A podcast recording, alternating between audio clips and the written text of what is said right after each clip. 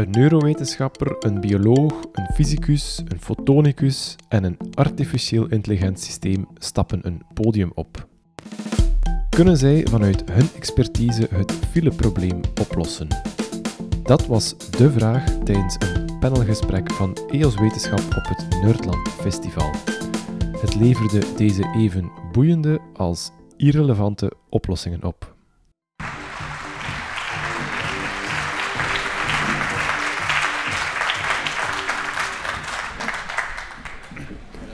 Goedemiddag allemaal. Welkom op deze allereerste en voorlopig ook allerenigste editie van uh, Los het op, een nieuwe uh, gespreksreeks van uh, EOS Wetenschap. In Los het op neem ik een probleem, leg ik die voor aan een aantal wetenschappers en vraag simpelweg aan, hem, aan hen los het op. Het probleem van vandaag is de file. File is een heel oud probleem. Er zijn al heel wat ingrepen gebeurd om files op te lossen. Er is ook al nog meer onderzoek naar gebeurd om die files op te lossen. Maar we staan nog altijd uh, zeer vaak en zeer lang in de file. En daarom hebben we vandaag bewust geen verkeersexperts uitgenodigd, geen stadsplanners. Zij hebben genoeg tijd gehad om het probleem op te lossen. En daarom hebben we gekozen voor mensen die het eens vanuit een andere hoek uh, kunnen bekijken. Uh, en dat zijn uh, bioloog Thomas Parmentier, neurowetenschapper Lucas Mergan, wetenschapsfilosoof en fysicus Sylvia Wenmakers.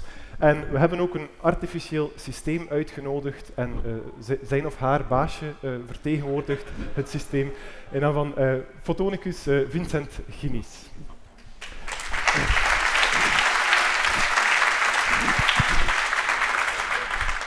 Uh, Lucas, ik begin bij jou, want uh, je bent neurowetenschapper. Ja. In mijn hoofd op dit moment uh, is het super druk om dit gesprek ja. binnen een half uur rond te krijgen. Ja, we doen ons best. Ik hoop dat er geen file ontstaat in mijn hoofd, want dan ren ik gewoon het, het podium af. kunnen we files, het verkeer, vergelijken met wat er in onze hersenen gebeurt? Ja, op zich wel. Ik hoop dat het in uw hoofd nog net iets minder druk is dan op het Belgisch wegennet, want dat is toch ook niet altijd vanzelfsprekend. Maar um, die vergelijking gaat zeker wel voor een stuk op. Ik denk gewoon al intuïtief, als je een zenuwstelsel vergelijkt met een wegennet, zie je al dat je zenuwcellen hebt, een beetje zoals steden en gemeenten, die dan geconnecteerd zijn door uh, lange uitlopers, zoals de wegen dan. En misschien nu op het scherm, of ja, zo meteen op het scherm. Uh, je instructies die... geven. Uh, je mag een slide, twee, nog een slide extra vooruit gaan. ja. Um, dus hier zien jullie eigenlijk enerzijds misschien het meest herkenbare het Vlaams verkeersnet.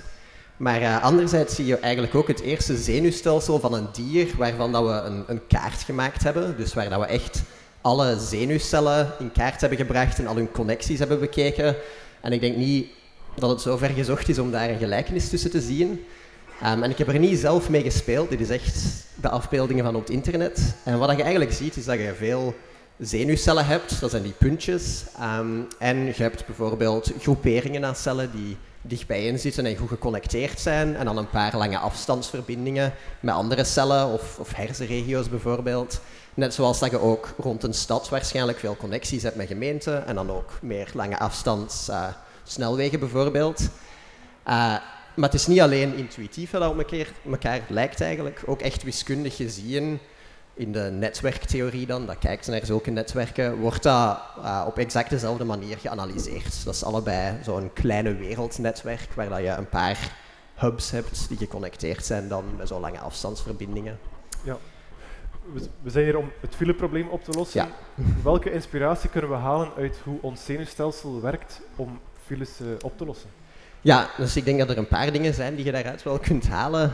Um, dus om te beginnen, je hebt die gelijkenissen, dus we kunnen echt wel voordelen dan van het zenuwstelsel misschien proberen ook te projecteren op het wegennet. Uh, en een van de dingen dat ik daar dan aan denk is uh, hersenplasticiteit. En plasticiteit, dat betekent eigenlijk een beetje kneedbaarheid of veranderbaarheid. Want in je zenuwstelsel ja, je hebt wel een vast netwerk, maar eigenlijk is dat veel minder vast dan het wegennet bijvoorbeeld, want je kunt nieuwe connecties maken of oude connecties verbreken of ook zaken versterken of verzwakken. Uh, als je bijvoorbeeld iets nieuw leert, um, dan worden connecties versterkt in je hersenen of als je iets herhaaldelijk doet, dan zal dat ook, zullen die zenuwbanen eigenlijk een beetje sterker worden, uh, zodat die informatie daar beter kan vloeien eigenlijk. En misschien zou je die plasticiteit kunnen proberen in het wegennetwerk te brengen. Ehm, ik denk voor een stuk wordt dat misschien gedaan met ik weet niet, extra baanvakken of zo, uh, die opengaan op bepaalde momenten van de dag, of, of treinen die ingezet worden uh, rond spitsuur of zo. Maar ja, het zou wel handig zijn als je die dan nog meer kon doen, dat je echt aan de omstandigheden aanpast. Ik bedoel, nu voor het Nederland Festival zou een rechtstreekse treinverbinding vanuit Leuven wel leuk geweest zijn. Nu, dat is misschien een beetje veel gevraagd, maar uh, zo van die dingen dat je echt je aanpast aan lokale veranderingen of zo, dat is iets waar we misschien inspiratie uit kunnen halen. Ja. ja. Uh, ons, uh, als we in ons in het verkeer bewegen, zijn we allemaal individuen die uh, nadenken over waar we naartoe moeten, hoe we files ja. ontlopen. We hebben misschien hulp van Google of van Waze. hoe zit dat in ons brein? Zij dat ook, beslissen alle zenuwcellen zelf of hebben we een, een, een meesterbrein die alles bestuurt? Ja, ik denk daar dat je wel iets meer gaat naar een mooi systeem dat samenwerkt. Want uiteindelijk zijn we zo geëvolueerd om een zenuwstelsel te hebben die ons doet overleven. Dus dat heeft wel een gemeenschappelijk doel een beetje. Um, en je zult wel een beetje verschillen hebben van cel tot cel, maar in het algemeen willen die wel samenwerken. Terwijl ik denk, bestuurders in het verkeer, die willen eerder hun eigen ding doen om zo snel mogelijk te geraken waar dat ze moeten. Waardoor dat je dan problemen veroorzaakt door mensen die ja, slechte beslissingen nemen in het verkeer of zo files gaan veroorzaken. Omdat we ja, wel allemaal gewoon een beetje egoïstische individuen in onze auto's zijn. En dat is wel iets dat het zenuwstelsel dan een beetje sterker kan doen dan ons. En dat is iets dat je misschien met zelfrijdende auto's of zo en dan AI-systemen zou kunnen oplossen, dat dat een beetje mooier laat samenwerken, bijvoorbeeld. Ja. Vincent, inderdaad, uh, hoe denkt artificiële intelligentie hierover? Uh, kunnen we een soort verkeersmeesterbrein maken die alle auto's bestuurt uh, vanuit dezelfde gedachte om files te vermijden? Goh, ik, ik voel mij een beetje de Gert Verhulst van het gezelschap, hè, dus ik ga vooral AI laten praten. Ik heb in de afgelopen dagen uh, best wel slapeloze nachten gehad om hierover te praten met de AI. Um, had er heel veel zin in. Had ook het gevoel van waarom duurde het zo lang? Waarom heeft niet eerder iemand uh, mij dit gevraagd? Heeft een aantal oplossingen gegeven. De meest voor de hand liggende, wou het eigenlijk ook niet onmiddellijk geven, namelijk laat ons uh, zelfrijdende auto's uitrollen en dan ben ik degene die alles controleert. Maar toen ik dan vertelde van dat zal toch nog even duren, vooraleer ook die autonomie, die legale eigenschappen um, allemaal, op een, allemaal recht komen te zitten, um, dan zei het van oké, ik heb nog wel alternatieve ideeën. Een van die ideeën is uh, de mensen beginnen nudgen. Ja, dus uh, gebruik maken van de nudging theory om, we weten allemaal als het oranje wordt, dan gaan we allemaal iets rapper rijden. Dus de AI zou kunnen rekening houden met ons eigen persoonlijke profiel door een uh, verkeerslicht op oranje te laten gaan op het moment dat we iets sneller moeten gaan. Um, het zou kunnen rekening houden met um, iets dat uit de theorie, ik, uh, ik ben maar de Gert Verhulst door, uh, alle krediet voor de um, Het zou kunnen rekening houden met de wetenschap dat wij sneller beginnen lopen als de beats per minute omhoog gaan. En dat is iets dat bij joggers is aangetoond. Wel, de AI zou onze nationale omroep, ik heb gezien dat Stubru hier is, kunnen overnemen. En als Hajo Beekman dan ziet dat er rond Gent een kijkfile is, dan zou Don't Stop Me Now kunnen ges gespeeld worden. Um, of verder op de beats, hè, we hebben een paar, uh, ja, we hebben de house-historie in België, dus ook daar zou AI kunnen van gebruik maken. Dus in alle eerlijkheid, uh, er zit iemand klaar om het over te nemen. Ja. Van de artificiële intelligentie naar de briljante natuur. Uh, Thomas, je bent bioloog. Je onderzoekt, als ik het goed heb, vooral mieren of, of dieren die in grote kolonies, gemeenschappen leven. Staan mieren soms in de file? Wel, uh, mieren, ja, zoals de meeste mensen weten, die ja, vormen complexe gemeenschappen. En één zaak dat ze doen, um, of dat veel mieren, is dat ze een soort van autosnelwegen maken. Dus naar voedselbronnen. En, maar eigenlijk staan ze nooit in de file. Uh, wat ze wel doen is constant botsen. Dus ze uh, lopen continu, continu over elkaar. Um, maar die botsingen die hebben wel heel veel nut omdat er heel veel informatie, bijvoorbeeld over de kwaliteit van het voedsel en zo, zo kan uh, uitgewisseld worden. Ja, dus bij hen is gewoon gaan en botsen uh, een, een, een, een, manier om de files te vermijden? Nee, uh, allee, ze hebben nog heel wat, wat, wat, andere manieren. Onder andere, het simpelste dat ze kunnen doen is gewoon de, de autosnelweg breder maken. Natuurlijk zit er daar een limiet op, ze kunnen dat niet oneindig maken. Bijvoorbeeld wat, wat, wat je bij mieren ook uh, ziet, is dat ze enorme uh, flexibiliteit hebben. Dus stel dat die autosnelwegen naar de voedselbron uh, opstrokken, dan zullen ze heel gemakkelijk omwegen maken. Um, dus eigenlijk dat systeem kun je zo, is heel dynamisch. Want ze worden continu geïnformeerd door, door huursporen. En dat kun je eigenlijk een beetje vergelijken met dynamische uh, verkeersborden. Um, wat dat er verder in de mierenwereld wat je ook hebt, is uh, er zijn voorrangsregels. Dus als er bijvoorbeeld mieren met uh, kostbare prooien, kostbare buit naar het nest komen, dan zullen de uit de, de werksters die op zoek gaan, die kostbare werksters eerst voorlaten. Um, wat dat je ook hebt, als het heel druk wordt, kunnen ze ook werken met rijstroken. Dus um, in dat opzicht is het verkeer bij mieren een beetje gelijkaardig als het verkeer bij mensen, omdat je uh, doorgaand verkeer hebt en terugkerend verkeer. Maar in tegenstelling tot uh, bij uh, menselijk verkeer werken ze vaak met drie rijstroken. Dus ze hebben eigenlijk een, een, extra rijstrook waarbij dat de tragere werksters die met allerlei buit en prooi komen in het midden en de, de snellere werksters die minder gewicht moeten meetorsten aan de zijkanten uh, lopen. Ah, ja. Dus een soort buslaan dan eigenlijk? Of een soort buslaan dan? Ja, de, ja, ja, inderdaad. Ja. Cool. Ja. Prioriteitsstrook. Uh, uh, maar mieren volgen dus wel altijd dezelfde route naar een bepaald... Ze leggen wegen aan via geursporen dan? Ja, dus het is... Um, dus mieren zijn gekend voor een enorm complex uh, zijn bij de, van de insecten de, ja, de, de meest complexe gemeenschappen, maar een individuele mier is in principe een dom wezen.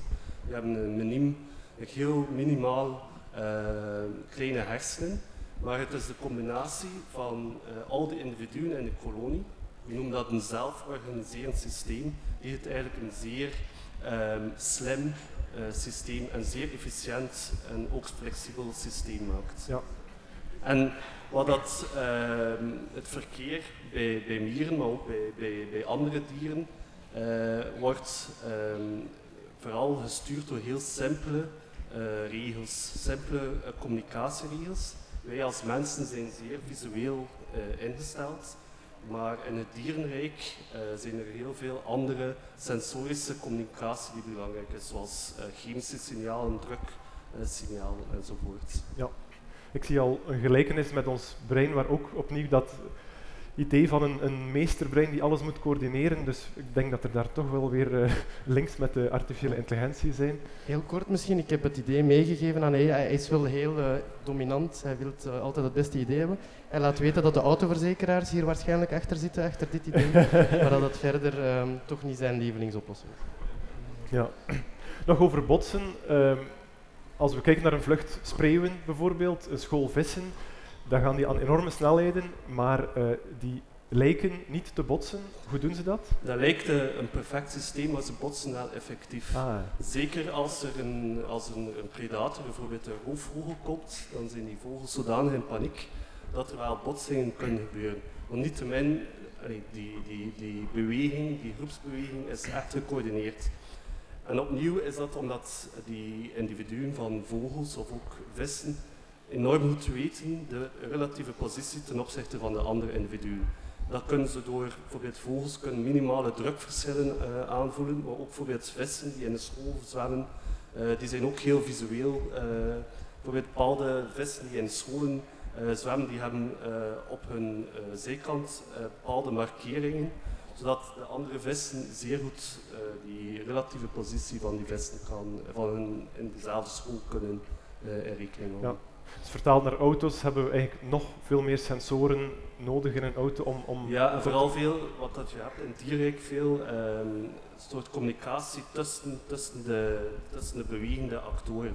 Ja. Um, dat zal zeker in het verkeer zal dat wel handig zijn als verschillende auto's met elkaar kunnen communiceren. Ja, bewegen die mieren bijvoorbeeld dan vooral, ja, had het ook al een beetje gezegd, die zijn in wezen vrij dom als individu. Bewegen die dan in een soort automatische piloot, als een autonome wagen? Um, ze bewegen niet volledig. Eigenlijk wat dat ze doen, ze volgen een bepaald, uh, bepaalde communicatiespoor.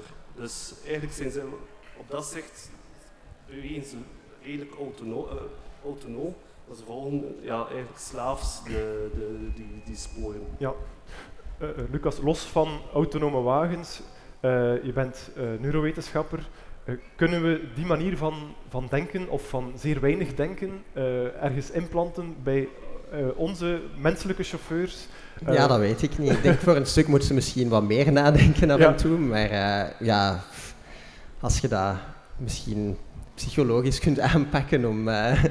Ja, als je mensen al kunt overtuigen dat u een beetje aan bepaalde regels houden wel helpt met toch voor iedereen er sneller te geraken, dat zou misschien helpen. Maar ik weet niet, ik denk dat mensen altijd wel een beetje hun ja, eigen ideeën gaan volgen en niet gewoon slaafs andere regels gaan volgen. Dat zie je natuurlijk bijvoorbeeld in het dierenrijk. Ehm, egoïsme, dat bestaat niet. Dus, en wat je wel in het menselijk verkeer natuurlijk ziet. Ja, ehm, misschien wel de oorzaak van files vaak. Ja, bijvoorbeeld wat dat ook bij, dan bij mieren terug. Als, als het te druk wordt, dan, ehm, dan gaan ze proberen de snelheid op elkaar af te stemmen, zodanig dat er zo weinig mogelijk variatie is. Um, en ik denk dat dat wel een grote uh, veroorzaker is van file in, in menselijke uh, samenleving. Ja, okay. Sylvia, je bent wetenschapsfilosoof. Uh, filosofen denken over alles na, dus waarschijnlijk ook over het fileprobleem. Ja, en zelfs al vrij vroeg. Um, in, in, de jaren 70 was er een techniekfilosoof die zich uh, daar al over boog. Zijn naam was Ivan Illich. En hij was er eigenlijk van overtuigd dat de focus op snelheid bij auto's ons leven op alle vlakken vertraagt. Natuurlijk denken wij nu in de eerste plaats aan files, maar hij zag het probleem uh, met auto's eigenlijk nog veel breder. Uh, om te beginnen zei, we hebben heel onze publieke ruimte uh, opgeofferd steeds meer aan autosnelwegen om auto's snel te laten rijden. Maar, zei tegelijkertijd vertraagt dat de boel. Want die, uh, die, die stukken beton die liggen in gebieden die, waar vroeger buurten gewoon te voet of met de fiets met elkaar verbonden waren. Dus voor voetgangers en fietsers zijn auto's eigenlijk een zeer vertragend en hinderend uh, verkeersmiddel. En bovendien moeten we heel vaak wachten op reserveonderdelen. Uh, al die merken zijn zodanig gespecialiseerd dat je niet je eigen auto kan herstellen. Dus we zijn voortdurend aan het wachten. Bovendien, waarom staan we in de file? Om naar het werk te gaan, om de auto te betalen die we nodig hebben om te kunnen gaan werken. Dus dat neemt toch wel heel veel uh, van ons leven weg. Maar hij had ook een oplossing. Um, zijn oplossing was eigenlijk altijd dezelfde. Als je technische hulpmiddelen hebt die uh, op den duur meer problemen veroorzaken dan ze oplossen, dan moet je die begrenzen, beperken. En voor auto's betekent dat voor hem, uh, die zouden niet sneller mogen rijden dan fietssnelheid. En hij zei, dan gaan er geen files zijn. Ik heb uh, een foto mee van Salvador Dali.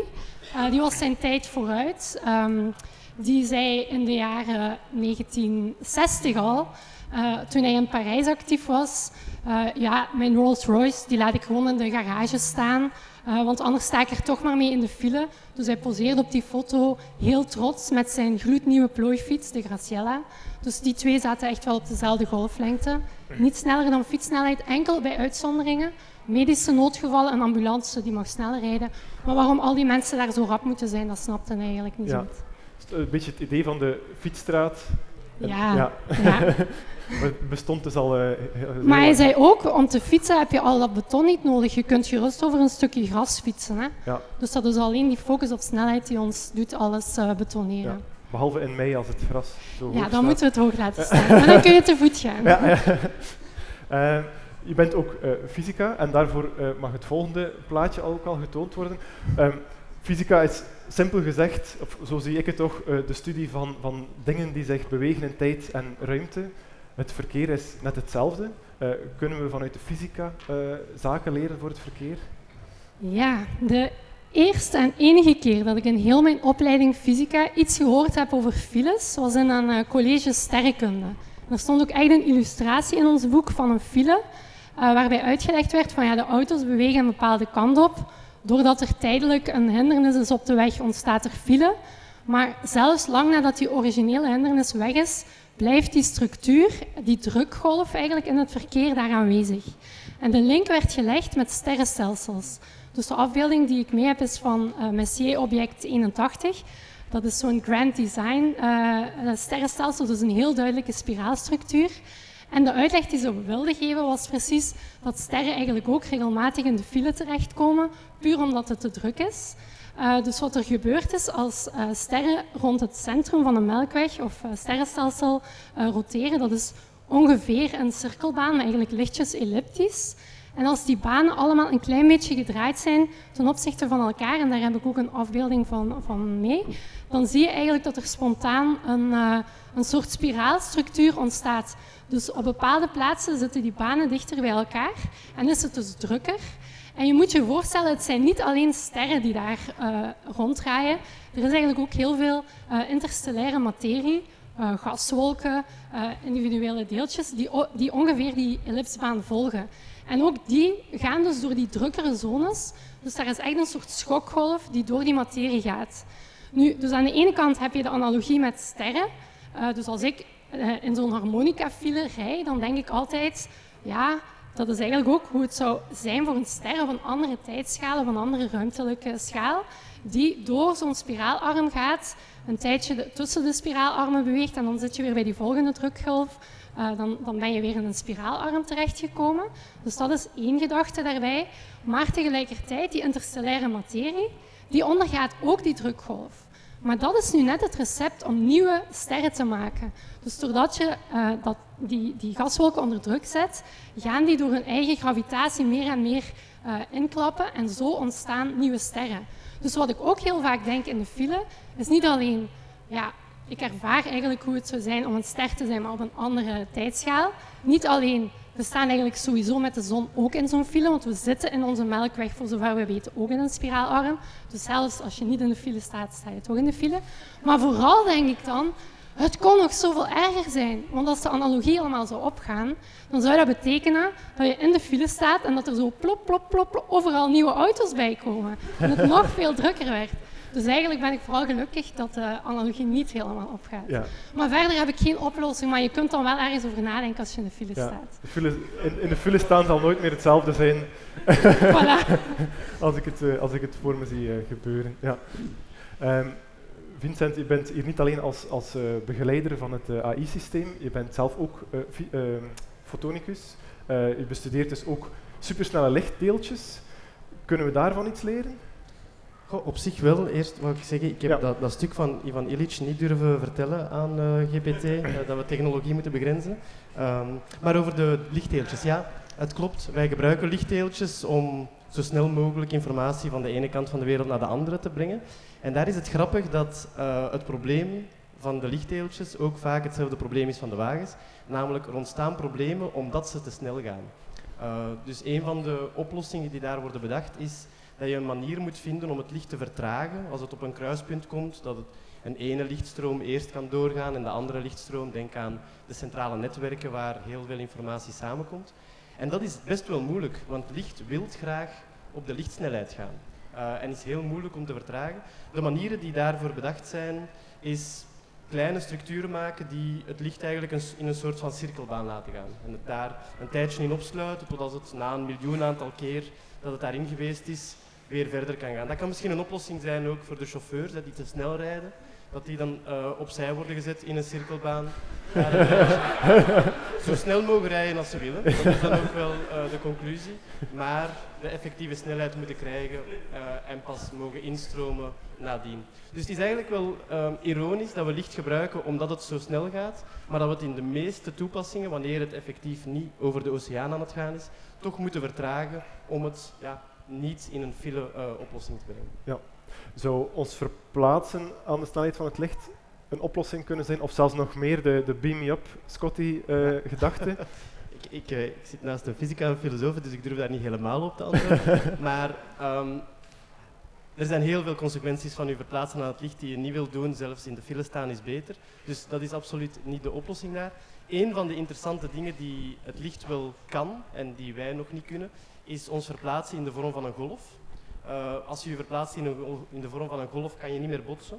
Dat is al een eerste oplossing. ETIAS zal dat niet fijn vinden, maar dat is wel een, een, realiteit. Je kan ook door elkaar gaan, je kan uh, interfereren, je kan op bepaalde momenten elkaar versterken, ook wel destructief interfereren.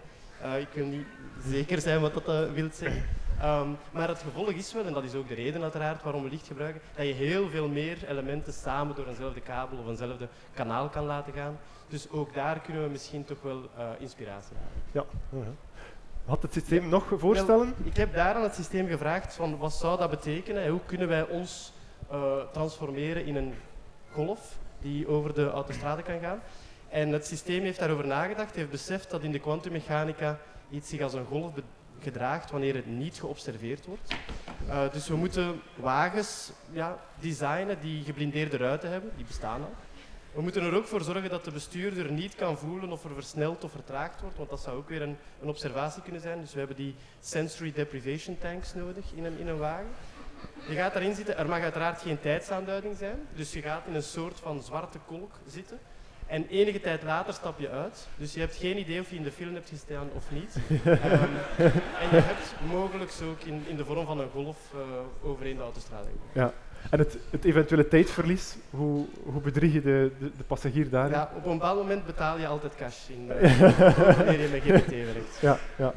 Je had ook nog een, een leuk voorstel, ik moet eerlijk zijn, ik heb het op voorhand al gehoord, uh, rond de Schrödinger's kat. Ja, wel, dus um, de, de GPT dacht, je kan daarin verder gaan. Hè. Uiteindelijk zit je met een, een, zwarte, een zwarte auto waar niemand binnen of buiten kan kijken.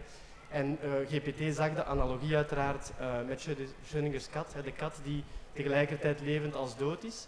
Um, uiteindelijk, wanneer jij daar dus in die sensory, sensory deprivation auto aan het zitten bent en niet waarneembaar bent, is ook een van de gevolgen dat je tegelijkertijd levend als dood bent, maar ook wel dat je tegelijkertijd niet en wel in de file staat. Dus um, GPT dacht dat dat Schrödinger's car zou kunnen zijn. Um, ik vond de woordspeling te goed en ik heb niet durven vragen of het het zelf door had. Uh, Als hij gewoon een, een typfout gemaakt had. ja, ja, ja. Oké. Okay. Uh, we hebben razendsnel uh, door alle mogelijke inspiratie gereden. Tenzij jullie zelf nog, uh, nu nog denken van dat idee heb ik nog niet gelanceerd. Ja, hoeveel tijd hebben we nog? Dat is misschien. Uh... nee, ja, ik we, we, we, blenderen de tent. Ja, uh, en dan kunnen we zo lang als we willen blijven gaan. Ja. Nee, met het zenuwstelsel was ik ook nog wel aan het denken. Um, en dat past een beetje met zo informatie inderdaad doorsturen. Dat in je zenuwstelsel heb je je bedraadnetwerk, dus echt je cellen die aan elkaar vastzitten. Maar je hebt ook een soort um, netwerk daarbovenop met hele kleine stofjes die uitgestuurd worden en over een lange afstand kunnen communiceren. En zo wordt er eigenlijk informatie doorgegeven naar meer verafgelegen cellen om daar de informatieflow eigenlijk te gaan regelen of aanpassen. En zo zou je in verkeer ook eigenlijk echt over een heel uw Vlaams verkeersnetwerk bijvoorbeeld van allerlei auto's informatie kunnen doorsturen. En dan zo kunnen zeggen, oké, het is in Brussel heel druk, dus stuur meer auto's langs een steenweg ergens of zo, om zo... Ja, ik denk hoe meer informatie dat je hebt, hoe beter dat je je verkeer kunt regelen. Maar inderdaad, zo slimme borden die zich aanpassen of zo. Ja. ja dus dat is misschien nog iets dat je zou kunnen gebruiken als inspiratie. Een extremere versie dan van, van de Waze of van Google Maps. Ja, inderdaad. Waze ja. doet dat nu al een beetje, maar dat eigenlijk integreren dan in al uw auto's en uw verkeersborden en verkeerslichten ja. en zo. Ja, dat is misschien een idee. Ja, so, sommige mieren hebben ook nog een, uh, een andere leuke oplossing gevonden. Uh, als het heel druk is, en in kolonies heb je vaak kleine werkstertjes en grote werksters. En als ze voelen dat die, die, die, die highways, die autosnelwegen te druk worden, kruipen de kleine werkstertjes op de grote werksters en worden zo getransporteerd. Ah, ja. Dus dat is misschien ook wel nog een, een oplossing als de auto's op elkaar kunnen staan. Auto's op de trein, auto's op een vrachtwagen ja. en dan, ja, ja. Dat, dat vind ik ook een geniaal idee als je uh, een verre reis wil maken naar het zuiden van Frankrijk. Je rijdt thuis op de trein en daar word je eruit gedropt en dan heb je ook die Hanse moeite niet moeten doen om... Uh, Jij wil ook nog iets toevoegen? Wel, ik niet per se, maar hij gaat kwaad zijn als ik het niet doe. Um, er was nog een idee om eigenlijk verdergaand op de Waze een, een eigen AI-Waze te maken. Hij, heeft het ook een naam gegeven, Cessnav.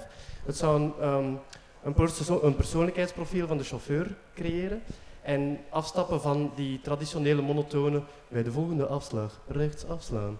Um, en dus rekening houden met het, um, ja, het temperament van de chauffeur. Uh, voor een relaxe chauffeur zou het gaan van voel je de vibe naar rechts, volg die afslag.